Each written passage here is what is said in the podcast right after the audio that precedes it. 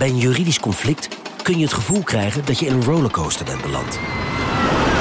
Je wereld staat op zijn kop en je bent de controle even helemaal kwijt. Dan is het fijn als je bent verzekerd bij ARAG. Daar werken topjuristen en advocaten die je begrijpen. Die een stap extra voor je zetten. En je het gevoel van controle teruggeven. Met kennis en informatie, met heldere uitleg en met gericht advies. ARAG, juridisch probleemoplossers. Nieuw Aquarius Red Peach Zero Sugar. Met zijn heerlijke frisse persiksmaak zonder suiker draagt Aquarius bij tot jouw dagelijkse hydratatie en helpt zo mee om je vochtbalans op peil te houden tijdens alledaagse actieve momenten. Thuis, op het werk of onderweg. Ook verkrijgbaar in smaken lemon en orange. Probeer hem nu. Hey, Lucas hier. Het coronavaccin lijkt er dan toch echt aan te komen. En misschien heb je daar dan wel vragen over. Bijvoorbeeld hoe deze vaccins werken of hoe we weten dat ze werken. Wij gaan in Onbehaarde Apen in het begin van het nieuwe jaar, het jaar waarin we, als het goed is, gevaccineerd gaan worden, jullie vragen beantwoorden. Dus heb je nu zo'n vraag, zou je die dan willen sturen via een WhatsApp voicemailberichtje? Dat kan naar het nummer 06 2251 2388. Spreek aan het begin van het bericht duidelijk je naam en je woonplaats in. En wie weet komt jouw vraag wel in de uitzending. Welkom. Wij zijn Onbehaarde Apen. Dit is een podcast van NRC over wetenschap.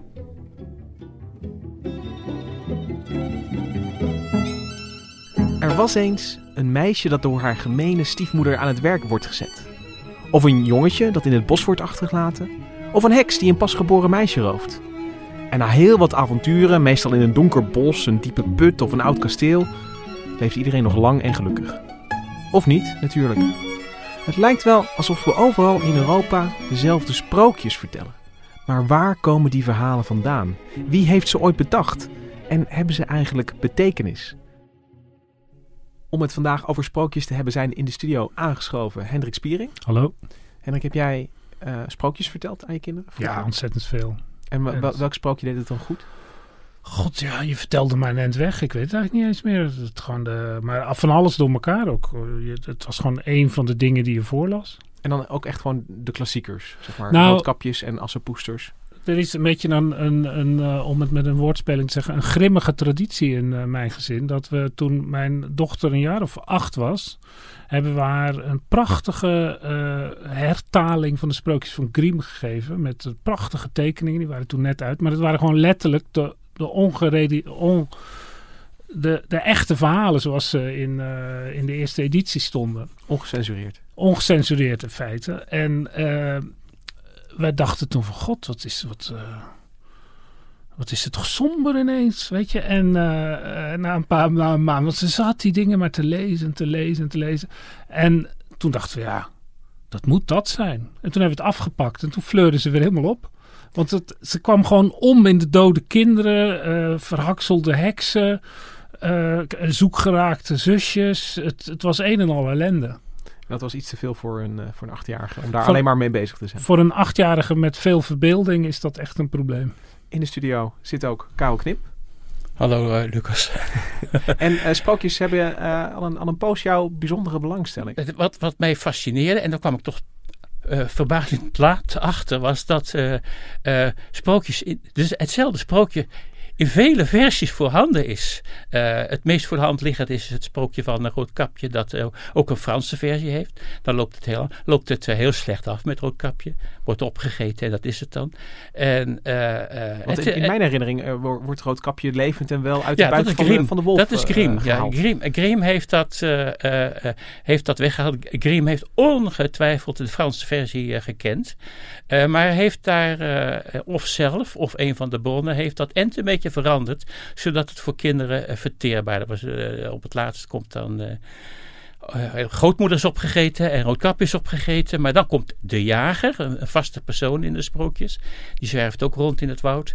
En de jager die knipt de buik open van de wolf. En daar zitten dan Maar het waren dit soort, soort, dit soort verschillen en variaties Het, die wa- jou het, het, het- dat, is, eh, en dat, is, dat, dat blijft ook fascinerend. Dat die verhalen geen vaste structuur hebben. Die indruk zou je kunnen krijgen als je... eh, Nou, de structuur is er natuurlijk wel. Meisje bos in, ongehoorzaam, ja, nou ja, eh, goed, ramp. ja, als je dat wil zeggen, ja. Eh, maar de details, structuur. de details eh, verschillen. Ja. De grote thema's die zijn er. Hoewel sommige verhalen soms een rare uitbreiding krijgen. Eh, door een roosje heeft een hele rare uitbreiding bij de ene en bij de ander weer niet.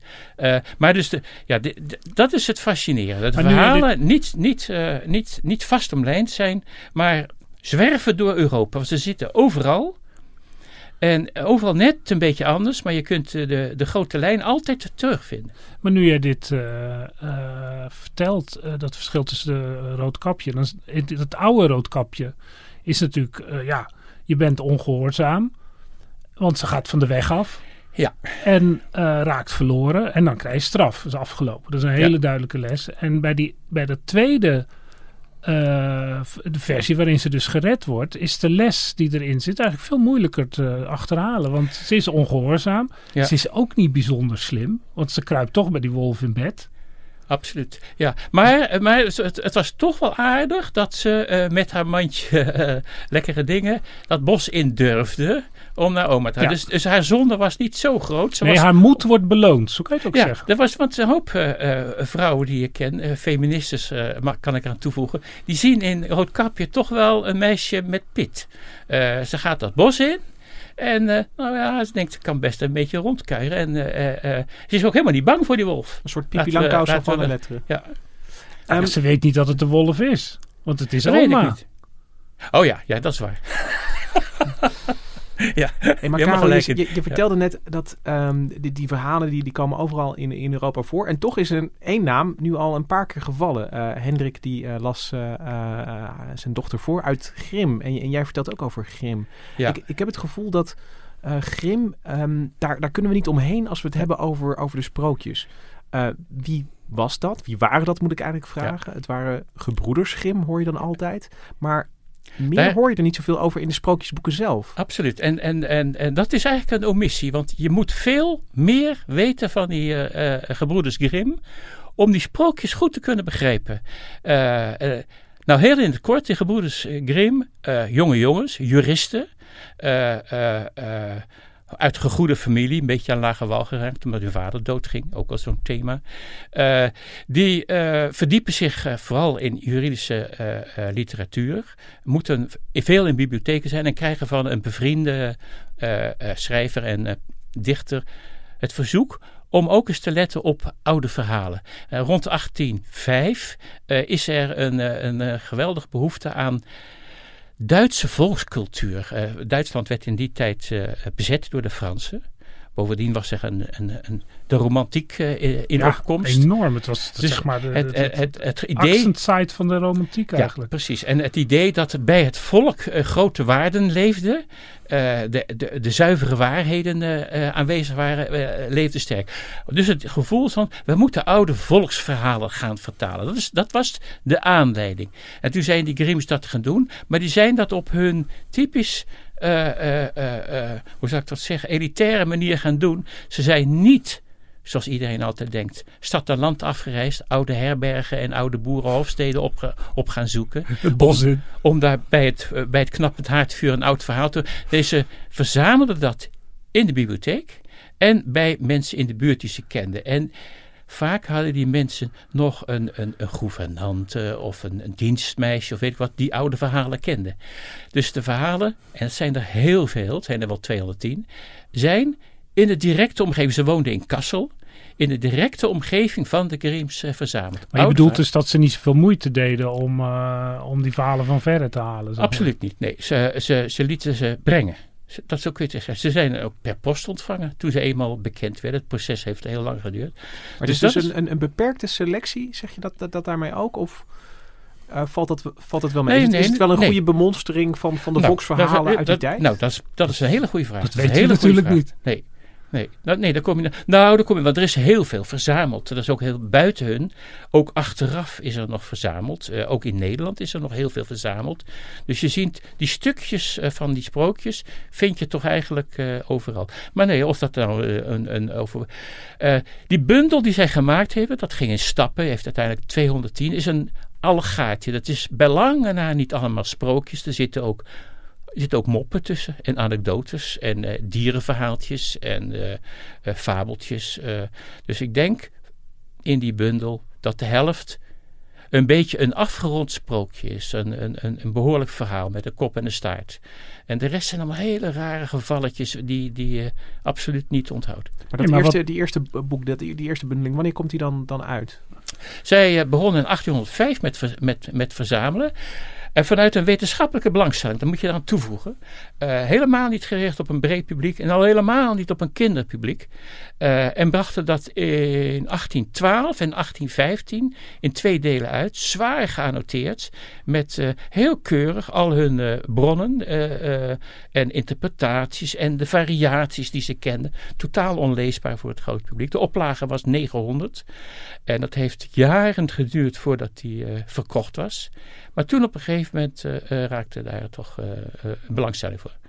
En toen zijn ze, toen is er een, een, ellendig proces op gang gekomen, waarin vaak de uitgever een rol speelt. Ze moesten een beetje opgeknapt worden. Die sprookjes van huis uit zijn vaak chaotisch en, en, en zonder pointe. Uh, en er zitten ook dingen bij die destijds helemaal niet konden. Uh, het waren nogal ruige verhalen vaak, met veel seks en vooral veel geweld. En dat is, daar zijn ze aan gaan knoeien.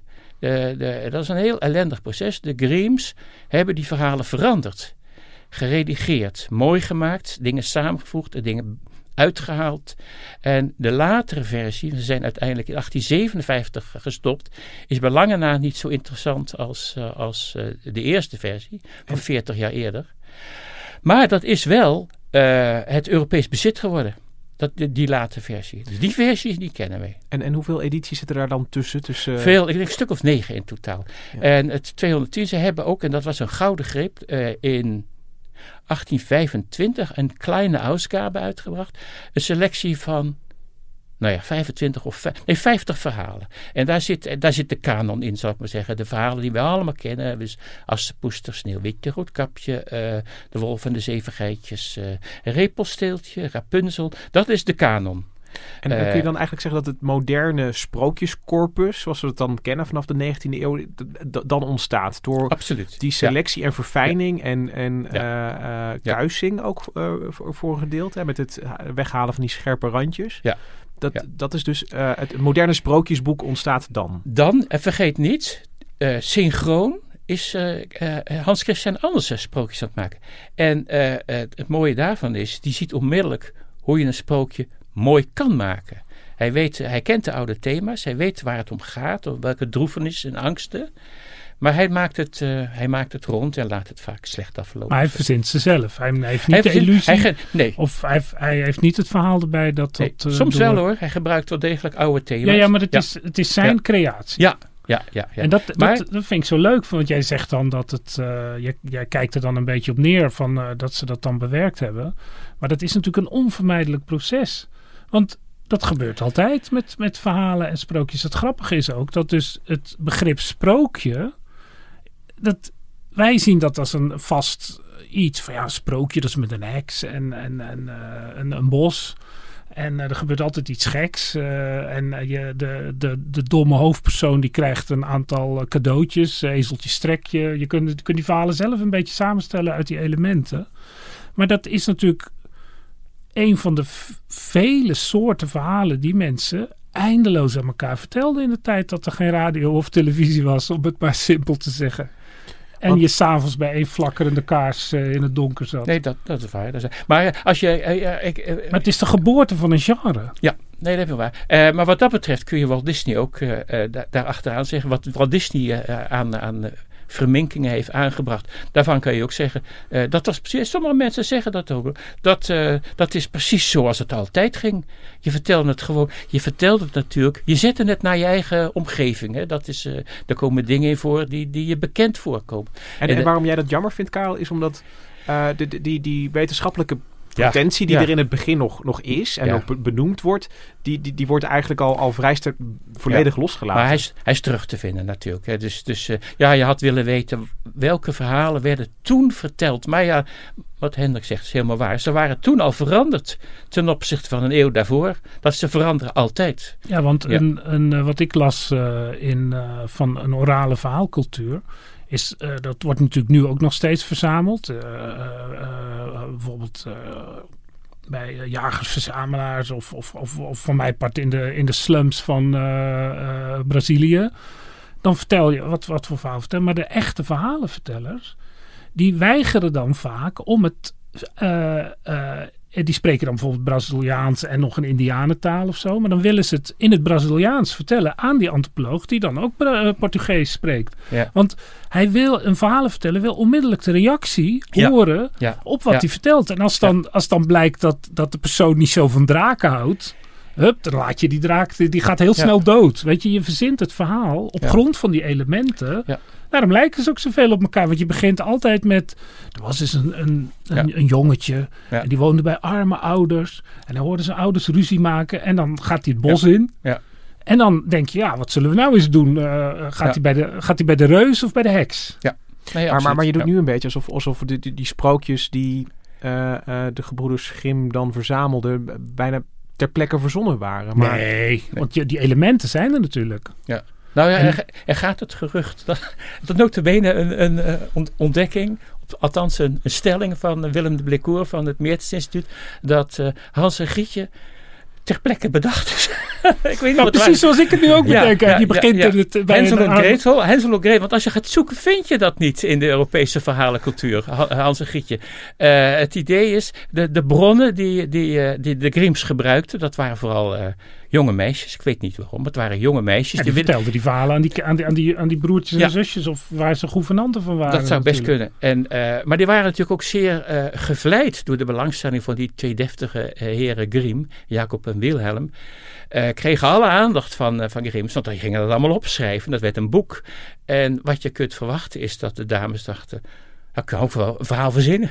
Dan je- dan schrijft hij dat ook op. Ja, maar het Eh, past en perfect dat, in het dat, Ja, nee, dat kan. Dat kan. Dat is heel leuk. Ja, daar moet je erg rekening mee houden dat, dat sommige verhalen gewoon eh, ter plekke bedacht werden. Griems lieten zich die verhalen vertellen door, door mensen in hun omgeving. Maar weten we ook iets meer over of dat ook echt de verhalen waren die mensen aan elkaar vertelden en hoe ze dan verteld werden, in welke context? Nou, dat, dat, eh, dat fascineert me nog steeds. Eh, daar vind je hele losse opmerkingen over. Je- Wat je wil weten, en wat ik, nooit, wat ik nooit heb kunnen achterhalen. Hoe en in welke sfeer werden dan die verhalen verteld? En iedereen heeft er. Ieder, je komt altijd uit op die boerenherberg en een knappend haardvuur en een reiziger zitten daar. Wat waarschijnlijk eh. Als je, als je kijkt naar illustraties, zit altijd een oma notabene, bedenk het even goed, een boek voor te lezen bij de open haard. Dat boek was er nog helemaal niet. En er staan kleine kinderen omheen, maar het waren geen kinderen. Eh, dus waar werden die verhalen verteld? Wat je zou kunnen aannemen is dat eh, eh, eh, er veel verteld werd als vrouwen bij elkaar zaten om te spinnen. Daar zijn veel aanwijzingen voor. Dat spinnen heeft een enorm, enorme rol in die sprookjes. Er zijn wel gewoon 15 verhalen waarin gesponnen wordt. En dat spinnen krijgt ook altijd aandacht en betekenis. Het idee was dat spinnen kun je eh, in groepsverband doen en dan bespaar je op verlichting en verwarming. Je gaat bij elkaar, zelfs een woord voor, dat heet de spinstube. In de spinstube werden de verhalen verteld. Natuurlijk maar een deel van het verhaal. En dan hebben we het nu, en dat is ook een belangrijk punt, over vrouwenverhalen. Verhalen die vrouwen vertelden. Er zijn wel degelijk verhalen die door mannen verteld werden. En daarin spelen altijd eh, ontslagen soldaten een rol. Die altijd eh, balen op hun, eh, over, op hun militaire carrière. Ze werden zonder geld weggestuurd enzovoort enzovoort. Maar ik heb dat nooit goed kunnen. Daar wordt altijd losjes over gedaan. En dat is natuurlijk ook het moeilijkste te traceren. Hoe werden die verhalen verteld? Eh, eh, dus wat dat betreft, ik weet het niet. Maar dan, dan heb dat je het eigenlijk over de, de, de sociologie van, van de, de, de verhalen die Grim heeft opgetekend eigenlijk. En, en dat probeer je een beetje tussen de regels door, probeer je dus de sporen te vinden van, Ja. van de vertellers. Je, je probeert het, eh, het, het, eh, je een aannemelijke voorstelling te maken van hoe het dan wel zal zijn gegaan. Eh, waar ik, nou ja, wat je, je, je, je ziet wel ongeveer de sfeer eh, die er speelt. Het gaat altijd om, om gewone dingen. Eh, eh, hele dagelijkse dingen, da- dagelijkse zorgen. Armoede, honger, maar ook te veel kinderen, geen kinderen, een mismaakt kind krijgen.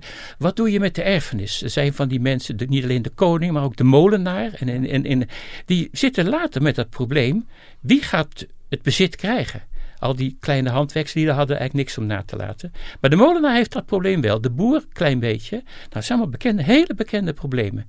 Eh, eh, dat, als je dat opmerkt, dan, dan gaan die sprookjes je toch ontroeren. Dan denk je, god, ja, dat, dat, dat heeft iedereen nog steeds eigenlijk. Die, die angst voor te veel kinderen, te weinig kinderen, een mismaakt kind. Of alleen maar zoontjes krijgen en geen dochter. Maar die, Eh, die, dat wordt ook wel gezien soms door Robert Darnton, zo'n Amerikaanse historicus.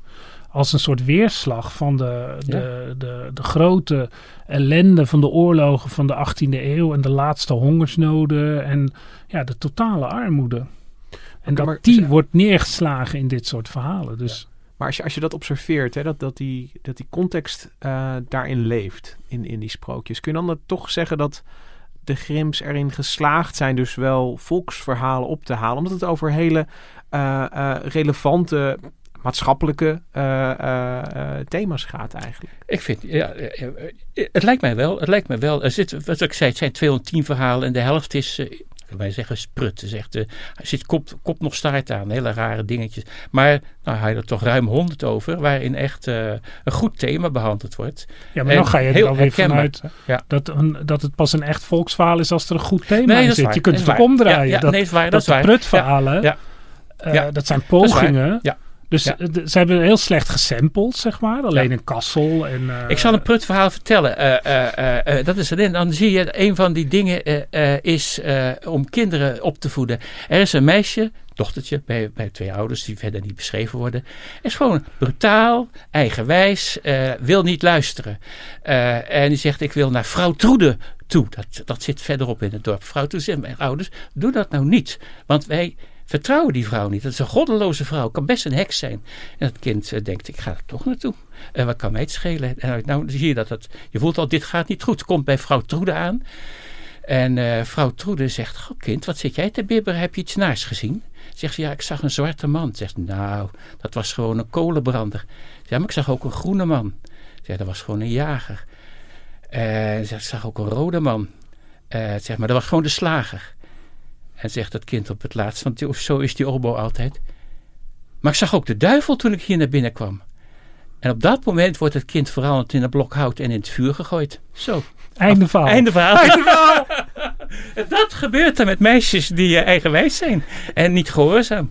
Maar zulke verhaaltjes waren er ook. Ja, die vertel je in één minuut. Ja, Die zitten er ook tussen. En, en meer ik, ik moet ineens, ik herinner me ineens eh, hoe ik panisch van angst was toen mijn eh, tante Leni een vergelijkbaar verhaal vertelde. Ook in, in een paar minuten. Ja. Over een man die met zijn gouden beentje begraven was. Ja, En eh, die, dat werd gejat. En die kwam dus terug als een soort spookverhaal. ja, Dus ja. ja. je voelt al de siddering van de angst. Als je dat goed opbouwt. Ik zag een groene man. Ja. Ik zag een zwarte man. Als je dat goed vertelt. Nou, kijk, dat zit, dan, dat dan, zit, dan, dan, dan zit iedereen aan, aan, aan zijn stoel genageld. Zelfs volwassenen zou kunnen. Ja, dit is. maar er zijn echt veel verhaaltjes. eh, Je die- vertelt het een beetje meer buigend. Maar het is een heel goed verhaal, Karel. Nou ja, nee, dit is, eh, dit is, eh, maar dit is echt, om even op dat punt terug te komen. Het gaat hier om het opvoedkundige aspect. En er zit er ook veel in hoor, in, in die sprook. We hebben het al rood kapje gehad. Eh, mag eigenlijk niet wat jij doet. En dat gaat ook fout op het laatst. Dat zit er heel erg in. En wat er ook heel veel in zit, is meer, wat zou ik zeggen... eh, opvoedkundige, eh, de normen en waarden doorgeven. Hè? Eh, vrekkerigheid wordt ook meestal bestraft. Dat wordt ook al meestal bestraft. Dat loopt Ja. af. Vrekkerigheid wordt betaald. En, maar de, het, het, te- het kenmerk van de meeste sprookjes van Grimm is de ongelooflijke wreedheid erin. En dat is elke keer verbijstert me dat. De, de, de, de, de, pure wreedheid aan sadisme grenzen. Kan, zal ik een voorbeeld geven? Maar is dat in Ja? de latere versie of in de, al, alleen Nee, in de nou, eerste versie? daar ben je niet helemaal zeker van. Het, het, het wonderlijke is dat eh, nou ja, er is heel veel onderzoek gedaan naar hoe ze werkte. nee, maar ik bedoel, je vertelde net over die eerste druk die nog heel rauw Ja. is. Ja. En dat Eh, geweld wordt nou, er dan nee, uitgefilterd? Nee, het, het, eh, ja, het alter, er is ook een sprookje van kinderen die slagertje wilden spelen. Nou, je voelt wel welke kant dat, dat werd te erg. Dat werd te erg. Dat hebben ze uiteindelijk helemaal uitgehaald. Dat heeft de dat eerste werd- editie geen eens gehaald. Ja, het zat, er, het zat erin. Het zat in de wetenschappelijke eh, editie. De allervroegste. Kinderen die slagertje wilden spelen. En dat, dat werd zo vreselijk, dat hebben ze eruit gehaald. Maar eh, nee, wat je ziet, de, de Grims hebben gaandeweg, toen hun verhalen ook buiten het wetenschappelijk circuit kwamen, eh, de zaak veranderd. Toen hebben ze alle seks en erotiek eh, hebben ze eruit gehaald. Dat kon, je kunt de sporen moeiteloos terugvinden, maar dat hebben ze er toch uitgehaald. En wonderlijk genoeg hebben ze er wat geweld aan toegevoegd. Ja. Eh, en dat is, dat is wel een beetje een raar Nou ja, trekje. het is, maar het is nog de tijd dat mensen hun kinderen ook opvoeden door heel hard te slaan natuurlijk. Ja, nou dit, dit geweld. ik, zal, ik zal het voorbeeld geven van. Ik zou bijna zeggen. Hoe noemen we dat tegenwoordig? Nodeloos geweld? Nee. Zinloos Oh, ja, zinloos geweld. Ja. ja, zo heet het. Zinloos geweld. Eh, het verhaal dat heet De Twee Wandelaars. Wonderlijk verhaal. Eh, een schoenmaker en een kleermaker trekken erop uit. Achteraf bedenk je niet voor niets. Ze hadden niks meer te verdienen. eh, armoe. Gaan, het in, eh, gaan op reis. achter het grote woud ligt een stad waar ze waarschijnlijk wel wat kunnen verdienen. Dat is het idee. Komen bij dat woud. We hebben al gemerkt dat de schoenmaker een vervelend ventje is. Die heeft altijd onaangename opmerking. En eh, de kleermaker is een, een vrolijke vlierenfluiter. Hij fluit ook veel en zingt ook veel. Dat wordt allemaal mooi verteld. Leuke jongen. Eh, en dan staan ze voor dat enorme woud, waarvan ze niet weten hoe lang je daarover zult doen om er doorheen eh, te trekken. Het kan zeven dagen zijn of twee dagen. En onze vlierenfluiter, de optimist, die denkt nou, met twee dagen zijn we er vast doorheen. Ik neem niet voor meer dan twee dagen brood mee. En die zwartgallige, ellendige schoenmaker die denkt, dit gaat zeker zeven dagen duren. Ik neem voor zeven dagen brood mee. En jawel hoor, zij trekken dat, dat bos door en dat houdt maar niet op. Dus na een aantal dagen is onze kleermaker door zijn brood heen. En die vraagt dan aan die schoenmaker, zou ik voor jou wat brood mogen krijgen? Nee, dat wordt eh, elke keer afgewezen. En eh, hij blijft aanhouden en dan zegt die, die schoenmaker, oké, je krijgt wat brood van me. Als ik jouw rechteroog mag uitsnijden. Een rechteroog? Het rechteroog uitsnijden. Nou ja, die kleermaker is zo gek niet. Of hij denkt, dat moet dan maar. Eh, ja, anders en gaat hij dood van de Anders gaat hij dood. En na twee dagen hetzelfde spel. eh, en eh, dan geeft de schoenmaker toe. En het wordt ook zo beschreven. Met zijn scherpe mes snijdt hij het linkeroog uit. Ook. Het linkeroog gaat er ook aan. Dus dan is de kleermaker, die kan ook niet meer werken natuurlijk. Die kan niet meer de, de, de draad door de naald halen. Zo komen ze het bos uit met een blinde kleermaker. En die kleermaker vraagt nog, je blijft toch wel bij me? Want nu kan ik niks meer. Eh, en eh, eh, dat doet die schoenmaker niet. Die, die trekt door naar die stad. De kleermaker ligt in het gras. en weet niet meer hoe het verder moet. Toevallig ligt hij onder een galg waaraan twee mensen zijn opgehangen. Toevallig. Die zijn wel dood, maar kunnen nog spreken. En die zeggen tegen hem: Wat jij moet doen, is je moet dauwdruppels in je ooghol laten druppelen. Dan komt het weer goed. Nou, dat doet hij. Eh, en verdomd, hij krijgt ogen. Enfin, het hele verhaal gaat door. Eh, maar dit is, hier heb je al. eh, Maar hoe heel loopt het nou af, Karel? nou, zo, ja, kan je wel zeggen. kleermaker lang en gelukkig? zal- Zal ik het even vertellen hoe het verder Ja, gaat? ja. Nou, dan krijg je, dan krijg je zo'n typische sprookjestrekje. Eh, hij kan weer zien en gaat dus ook richting die stad. Onderweg ontmoet hij vier karakters: een, een, een veulentje, eh, een eend, oh nee, een, rij, een, een reiger, eh, eh, een, een, een eend. En een, een eh, groep bijen, een bijenkorf. Eh, en- Wonderdieren. ja, dus. en daar spreekt hij mee. En hij heeft vreselijke honger. En hij was van plan ze op te eten. En die zeggen allemaal: doe, eet ons nou niet op. Want dan kan je later van pas komen. Dus dat doet hij niet. Het is echt een doodgoeie jongen. Hij komt in de stad. inderdaad, komt hij daar aan het werk. Gaat dus goed als kleermaker. Wordt meesterkleermaker. Doet het geweldig. Maar die schoenmaker daar, die doet het ook geweldig. En die schoenmaker denkt. Hij, is het, dus, hij gaat mij verraden. Eh, hij, eh, hij gaat zeggen wat ik gedaan heb. En dat kan mij eh, zeer bezuren. Dus die denkt, ik moet van die kleermaker af zien te komen. Wat doet de schoenmaker? Zo gaat dat in die tijd. Hij gaat naar de koning toe, zegt, daar zit een kleermaker. Die is zo ongelooflijk arrogant. Die zegt dat hij uw verloren kroon terug kan vinden. Nou, zo krijg je vier van, want die verloren kroon wordt door de eenden teruggevonden. En er zijn er nog drie andere Ah, dingen ja. die, waarvoor die, die, eh, die, dieren die, die dieren hebben geholpen. En eh, dan is er na de kleurmaker helemaal eh, de pief, zal ik maar zeggen. En die vertelt eh, wat de schoenmaker gedaan heeft. en dan wordt de schoenmaker uit de stad gestoten. Eigenlijk nog niks aan de hand. Die, die, die zwerft door, door het gebied en komt, dat zij altijd meemaken, weer terug bij het bos waar die galg staan. Ligt daar onder te huilen. En op de kadavers zitten kraaien en die kraaien gaan naar beneden en pikken hem zijn ogen uit. Kijk, Boontje komt om zijn Ja. loontje. Nou ja, dat is, dat, is, dat is een typisch sprookje uit Grimm. Met gruwel, maar ook met straf. En ook met die wonderlijkheden. De, je de, voelt de ook vier... de samengestelde elementen. Het, ik bedoel, ja, het alles Het had, er. ook had, had ook kunnen eindigen na het bos. Ja. Maar dan had het een slecht einde gehad. Ja. Dan had het kunnen eindigen. Ja. In principe. Dat, ik bedoel, Nou, ik, ik sluit dus niet uit dat de Grimms dat ogen uitpikken eraan toegevoegd hebben. Eh, Ik bedoel, de schoenmaker vertrekt en wordt nooit meer gezien, had ook gekund. Want dat hebben ze gedaan met de stiefzusjes van eh Assepoester. Eh Assepoester kennen wij in twee. Cendrillon heette dat. eh, Cinderella bij, bij de, bij, bij eh, hebben we nog niet genoemd nu, eh, de sprookjes van Moeder de Gans. Daar komt Assepoester ook ja, die voor. zijn ouder dan Grimm. Die zijn ouder, ja, Ja, die zijn 100 maar in jaar ouder. Frans. Komt ook, komt ook in één Grimm voor. Nou, de, eh, nou, je kent dat hele verhaal. Helemaal aan het eind moeten die stiefzusjes, die heel lelijk geweest zijn, daar moet wat mee. En bij, bij, bij Moeder de Gans eh, is de Assepoester eigenlijk zo blij. Dat zegt, nou, zij krijgen een mooie functie aan het hof uit. Nou, sympathiek. Eh, en bij de Grimms eh, is het zo dat uh, Assepoester heeft ook haar prins gevonden. En wat moet er nou met die stiefzusjes? Nou, die krijgen hun oog uitgepikt. En um, kunnen de rest Ja. van het leven blind rondlopen. Dat is een beetje, en dat, daar zit iets in. Dan denk je, wie heeft dat bedacht? Dat Maar ik vind dat met die kleermaken vind ik het wel, en dat geeft wel een goed gevoel dat het zo afloopt. Ja, dat zit, ik denk wel dat dat klopt. De dat dat wederkerigheid. Ja, dat is precies. een- de wederkerigheid. Ja. Ja. je, Ja. Ik vind het, het zo'n leuk verhaal, omdat je het is, ten eerste hangen we aan je lippen. Je Ja. ziet dus de kracht van die sprookjes. ja, het is Ja. nog steeds een ontzettend goed verhaal. Ja. Ik bedoel, de- de- de- die- die- Ja, het is, het is een, het, dat is ook een mooi verteld verhaal. Ja. Dat is een mooi verteld verhaal. Ja, Maar dat ook die zit goed in eh, met, die, met, die, met die dieren die Ja. dan later weer van Ja. pas komen. En je voelt ook dat dat... Daar kan je eindeloos op doorbeduren natuurlijk. Wat je het kan er ook nog een vijfde dier bij Wat het. Of- sympathieke is. Als je eh, weinig tijd hebt, doe je ja. er maar twee. Ja, nee, precies. Ja, dat kan je doen. Ja, nou, want wat die taken voor die dieren zijn tamelijk willekeurig. Eh, eh, en nou, wat, wat mij ook bevalt, in, in veel van die sprookjes komen eh, de dieren wel goed uit. Je moet lief zijn voor dieren. Er zijn ook sprookjes waarbij het wat minder goed gaat.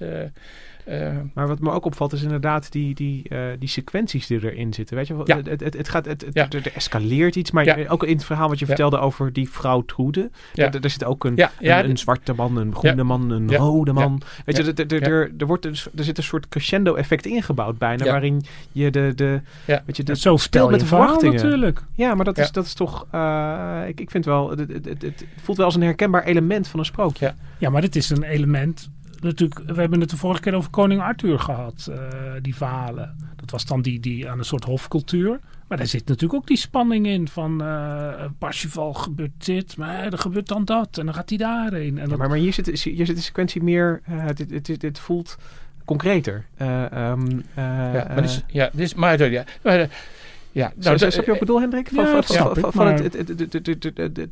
De variatie voelt kleiner, weet je? Ja. Van, van het, het, ja, ja de, het, het, het, maar vanuit... De, het, het is dus het doorbeduren op, op een aantal thema's.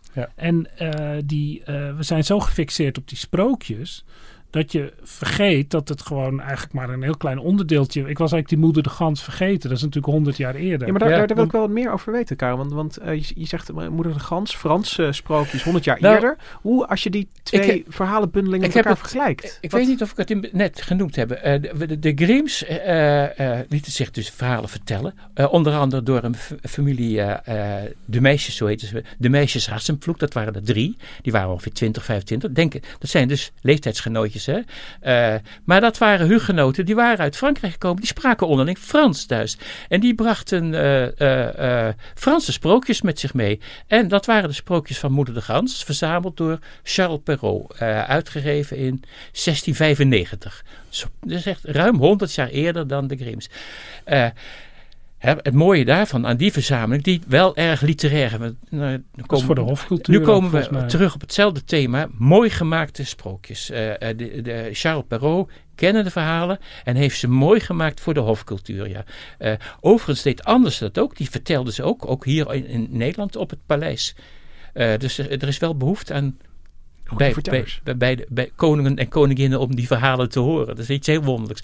Daarom komen er ook zoveel koningen en koninginnen in voor, denk ik. Ja, maar, maar, maar, maar, waarom dus we meer waarde toekennen aan, of, of uh, waarom Grim misschien interessanter is dan, dan Moeder de Gans is om, om, omdat er toch die, die, uh, die belofte van die, van die verzameling verhalen die, die, die, rondgaan in zit. Ik, ik denk dat ik uh, uh, Grimm interessanter vind, omdat je iets meer de rauwe verhalen terugvindt. En die, die, dat zie je niet bij, bij Moeder de Gans. Die zijn echt helemaal mooi gemaakt. Ja, maar Duidelijk, vertelde net dat Roodkapje daar wel doodgaat. Ja, absoluut. Ja, roodkapjes.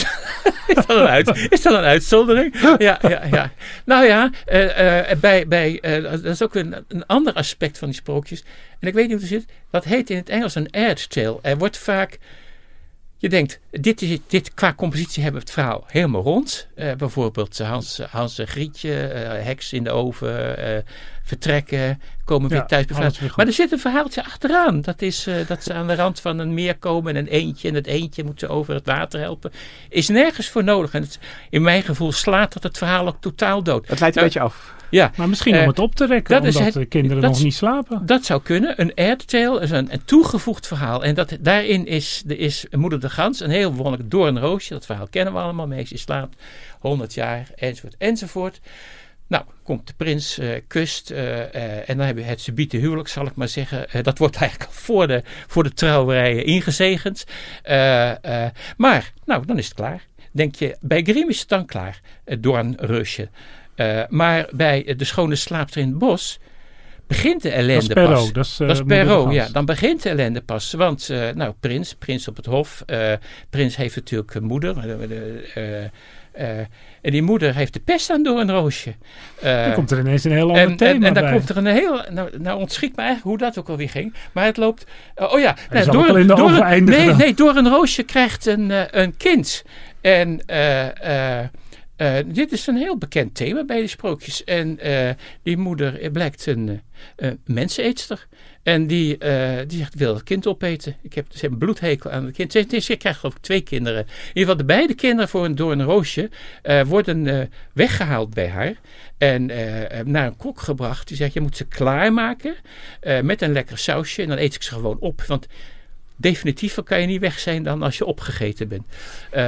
Dus, nou ja, god zeggen, net als de jager bij, bij Sneeuwwitje. Dus een goede kok die zegt, ja, maar dat doe ik niet. Dus die bereidt iets van een ree.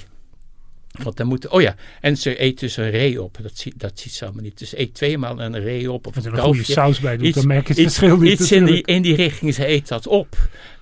en op het laatst uh, wordt, uh, wordt, uh, wordt door een roosje ook bedreigd. Ik weet ik ben, het verhaal een beetje, maar het heeft een, een vreselijke, vreselijke afloop. En helemaal aan het eind komt de prins terug en die krijgt in de gaten wat hier allemaal gebeurd is. Maar en dan krijgt die, die, die, de, de, moeder van de prins ook een vreselijke straf. Die ik nou niet even meer paraat. Maar nou, dit is een, een heel, ja.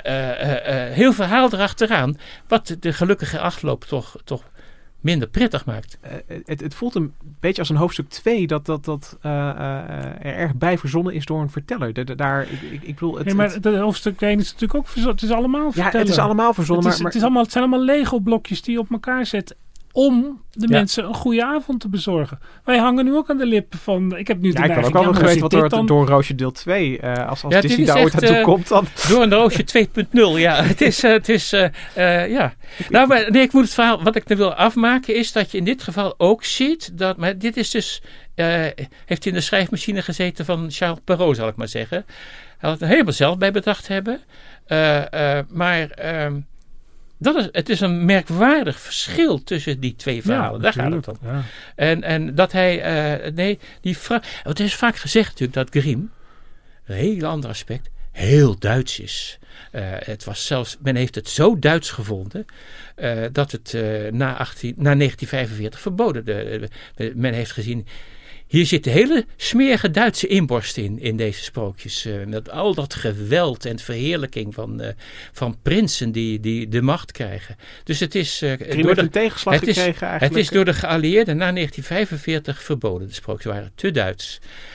Maar als je nou kijkt, dan is het bij uh, Perrault zeker zo, zeker zo breed. En net zo'n diep uh, gruwelijk woud met een jager erin. Ja, sommige verhalen die kwamen gewoon rechtstreeks ja, via de hugenoten bij veel, Grimm Veel van die uh, Grimm verhalen, ik denk dat niet één Grimm verhaal echt Duits is. Een paar misschien. maar ze waren Europees. Uh, dus, uh, Briem heeft dus ook geput uit uh, de Pentamerone, een verzameling Italiaanse sprookjes. Hebben ze ook keurig toegegeven hoor. Dat staat in die eerste editie onder de annoteringen waar het vandaan kwam. De bronnen van Maar dus er, er, zit in, in, in de Grimm sprookjes niet echt die, die, die, die Duitse inborst. Waar de, waar de, de Grimms wel naar op zoek waren trouwens. Ja, want in de romantiek was natuurlijk het idee dat er een soort volksaard was. Die zich uitte in dit soort sprookjes. En die zou dan al sinds, uh, laten we zeggen, uh, uh, de Romeinse tijd of nog verder daarvoor, ja. hetzelfde zijn gebleven. En dat is natuurlijk een totaal misverstand. Want nou, dat, wil ik, dat, dat, zou ik graag van, van Karel willen weten. Is, is er, zit er iets in het idee dat die sprookjes zulke diepe wortels hebben dat je zeg maar in, in, in, in een. Nou, ik denk dat Hendrik, daar, Hendrik zit meer in, in de hele oude verhalen.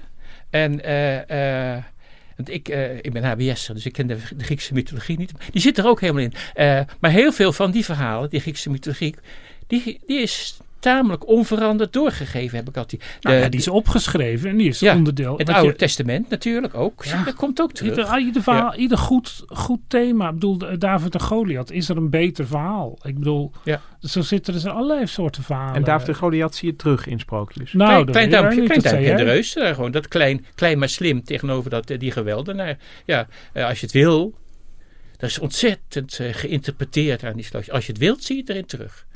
Maar uh, er is natuurlijk, je moet voortdurend voor ogen houden dat er een verschil is tussen orale cultuur, die we feitelijk niet kennen. Nee. Die kunnen we nu samplen wat er nu is. En dan heb je dus urban myth. Ja. In feite is ja. de urban myth van, ja. ja. heb je dat gehoord? Ik, ik hoorde, ja, een vriend van mij, die was, die die wilde de Rijksweg opgaan en die zag een lifter staan. En weet je, zo krijg je dan zo'n zo'n verhaal over uh, een dode die dan nog leeft. Of een verkrachter. Of de gekste. Of bijvoorbeeld de hand die aan de deur blijft hangen na een overval. Nou, vooral, ja, dat, dat, dat leuke verhaal. Een van de, stuks, de sterkste urban myth is van het echtpaar dat met zijn kleine hondje in een Chinees restaurant zit in Hongkong. En wijst op het hondje, want die, die moet uh, wat, een bakje water krijgen. En de, de ober die neemt het hondje gedienstig mee en serveert het later. Het is een heel hardnekkig hoor. Ja, maar dan kan je, als je dat een beetje goed, goed uh, vertelt, er, er was dus een echtpaar. Ja, ja. Als je dat goed vertelt. Nou, dat is toch wel een heel leuk thema wat je aanroert. Ik bedoel, ze ontstaan toch nog steeds. De sterke verhalen. En, en wat we ook sinds kort weten is hoe goed gelovig mensen zijn. Net als met, met die, met die corona-kwestie. Ja, maar je hebt de urban myth, je hebt de memes. Dat is natuurlijk ook iets, dat is dan allemaal veel kleiner en veel sneller. Maar het, er is dus een, je moet je voorstellen dat er een voortdurende verhalenmachine is. De vraag is, is die voortdurend hetzelfde? Het, uh, want je, je, zou je kunnen afvragen, uh, waar bestaat, bestaat tegenwoordig het wetenschappelijk onderzoek aan die sprookjes? Hè? Dat, eh, dat kun je in, in die, die wat uh, gebeurde er na Grim? Hoe werden die sprookjes ontvangen? Hoe ging dat in eigen leven leiden? Hoe deden de Grims het?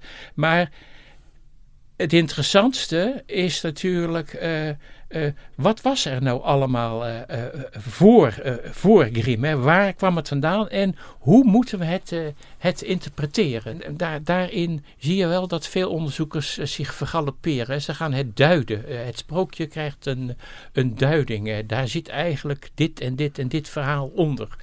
Ja, maar dan, dan vind en, ik en, dan, en met een duiding bedoel je dan dat er, een, een, uh, dat, er naar een kern gewezen wordt? Of, ja. of dat er nou, ook... de, de, de Grimm zelf dachten van elk sprookje bestaat één zuivere oerversie. Dat doet een beetje denken aan de, de, de biologische evolutie. Er bestaat één uh, oerversie die langzamerhand uh, weg, weg is geëvolueerd van het begin. Terwijl dat er waarschijnlijk nooit was. Er zijn, uh, je, je, begint met een, een, een kaleidoscoop aan, aan, aan verhalen. Dat is altijd geweest. Maar...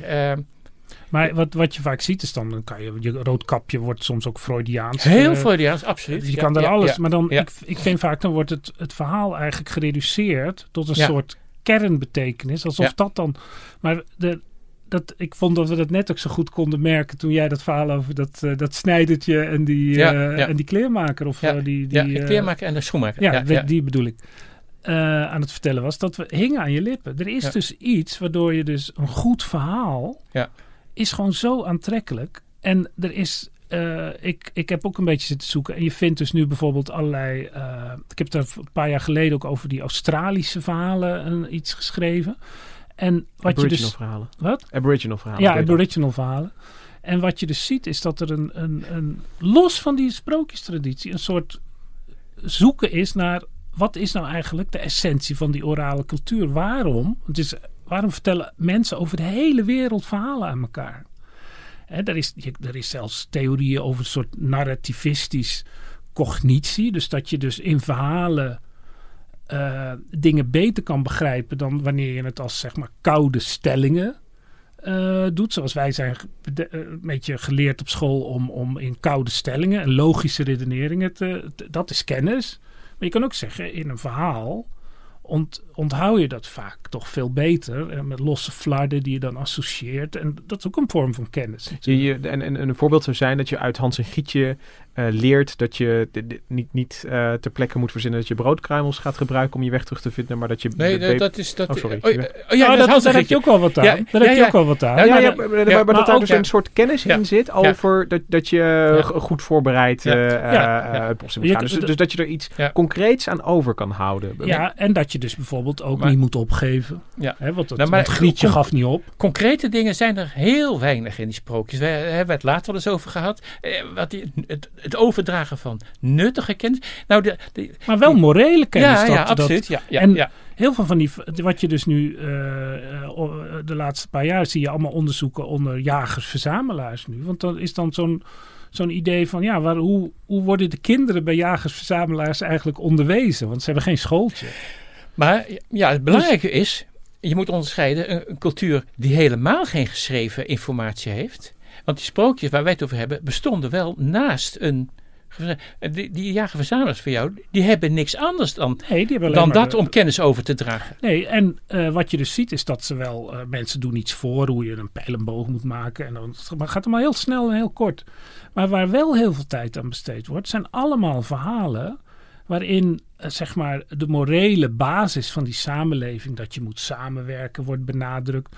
Eh, je kunt eh, bijvoorbeeld eh, in. Ik heb, ik heb wel eens een heel boek gelezen over Pygmeeën-sprookjes. En toen had ik daar al iets over gehoord. En dan lees je toch dat er komen hele gekke verhalen over dode moeders. vrij gruwelijk ook soms. Dan in het bos. dat is natuurlijk heel gevaarlijk, maar soms ook weer niet. Maar er zit. Als je dan kijkt naar hoe dieren worden voorgesteld.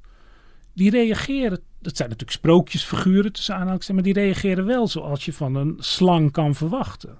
Dus die kinderen en ook de volwassenen die naar de luisteren, wordt zeg maar de kennis van dat dier wordt ook verdiept. En eh, bij Dus, andere- zou je kunnen zeggen dat er een soort... ehm, de, de, de, de slang stel ik me dan voor als een, een beetje een, een listig figuur waar je misschien voor moet oppassen. Maar dat daar een, dus een soort gevoel al wordt meegegeven Ja. aan, een, aan een slang. Pas op. En, Ja, en aan- het is te lang een- geleden om in details nu dat terug te kunnen halen. Maar ik lees ook in al die onderzoeken die daarna gedaan zijn. Ook met concrete verhalen over een, eh, een, een, een slimme aap die dan van alles doet. Maar er wordt aan het einde dan, eh, is hij een held. Maar er wordt toch gezegd, ja, maar je moet toch altijd nog oppassen voor eh, dat andere gevaar van de adelaar. Hij heeft dan de olifant verslagen of zo.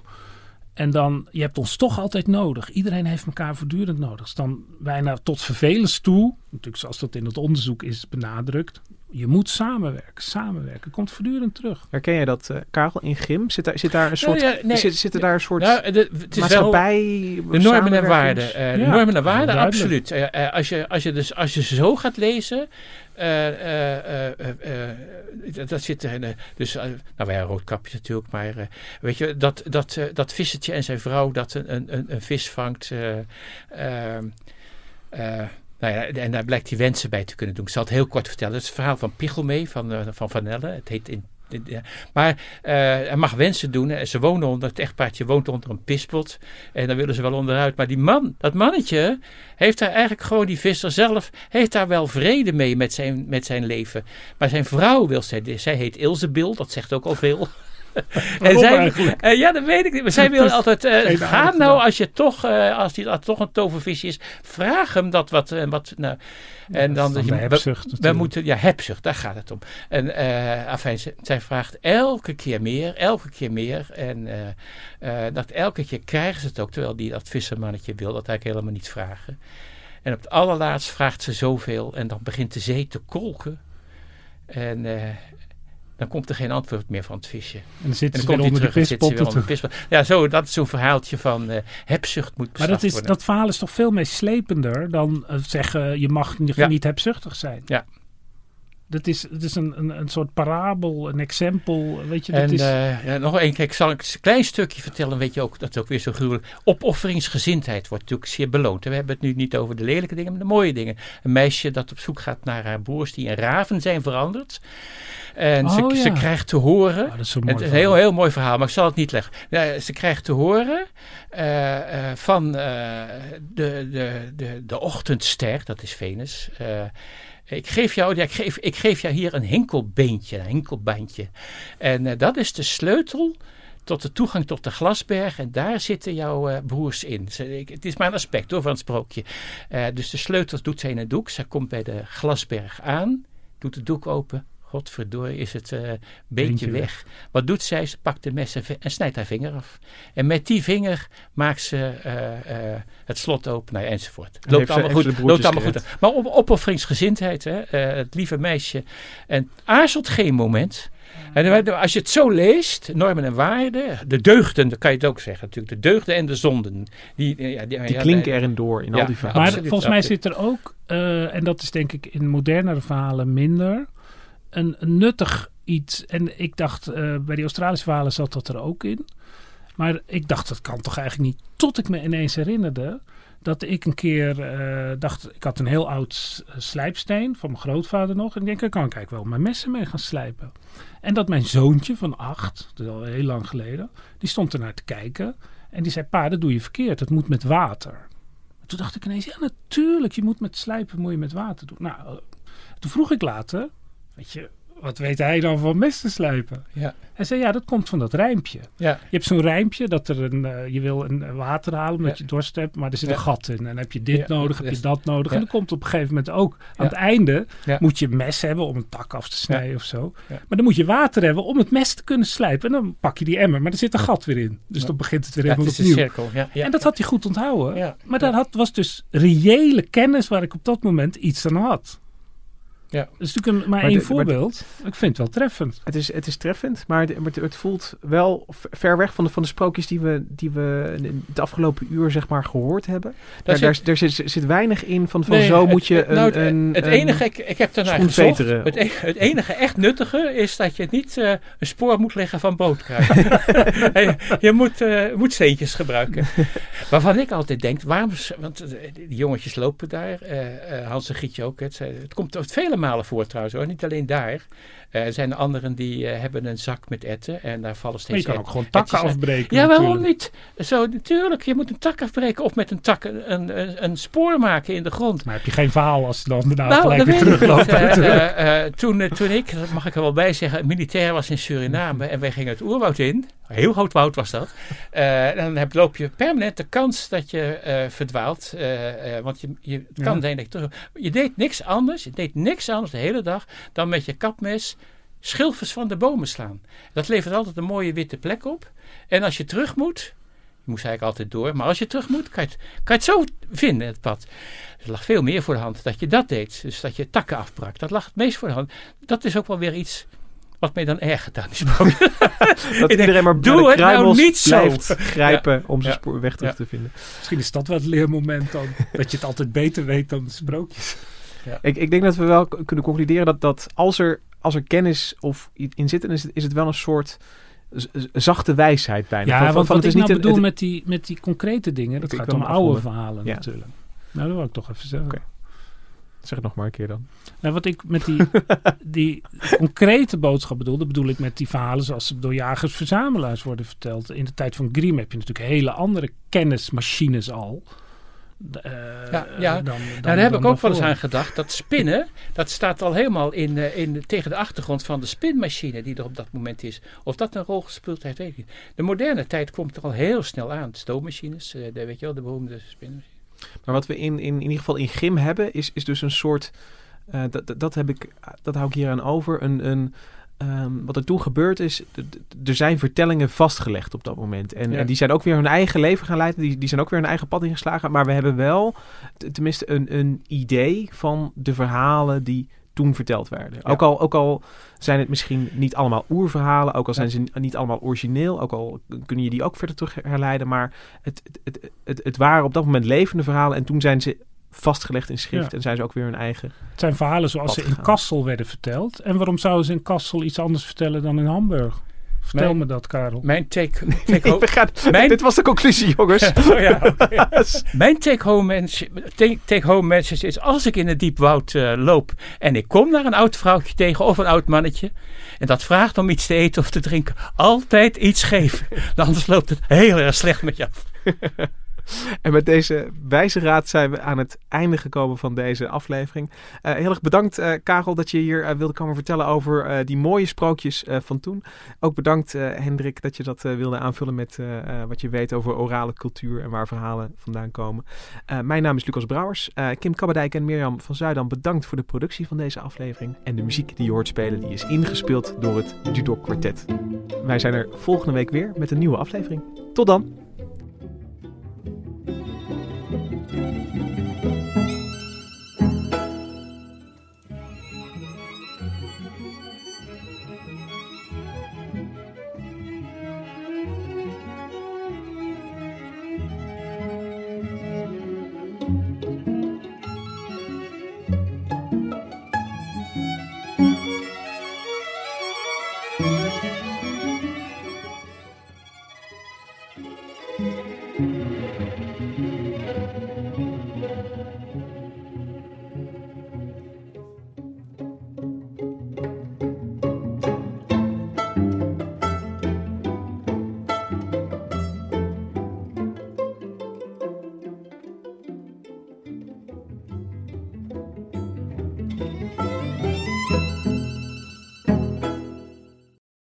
De financiële markten zijn veranderd, maar de toekomst, die staat vast. We zijn in transitie naar een klimaatneutrale economie. Dit biedt een van de grootste investeringskansen van onze generatie. Een kans voor u om mee te groeien met de pioniers van morgen. Meer weten? Ga naar carbonequity.com. Carbon Equity. Do good by investing better.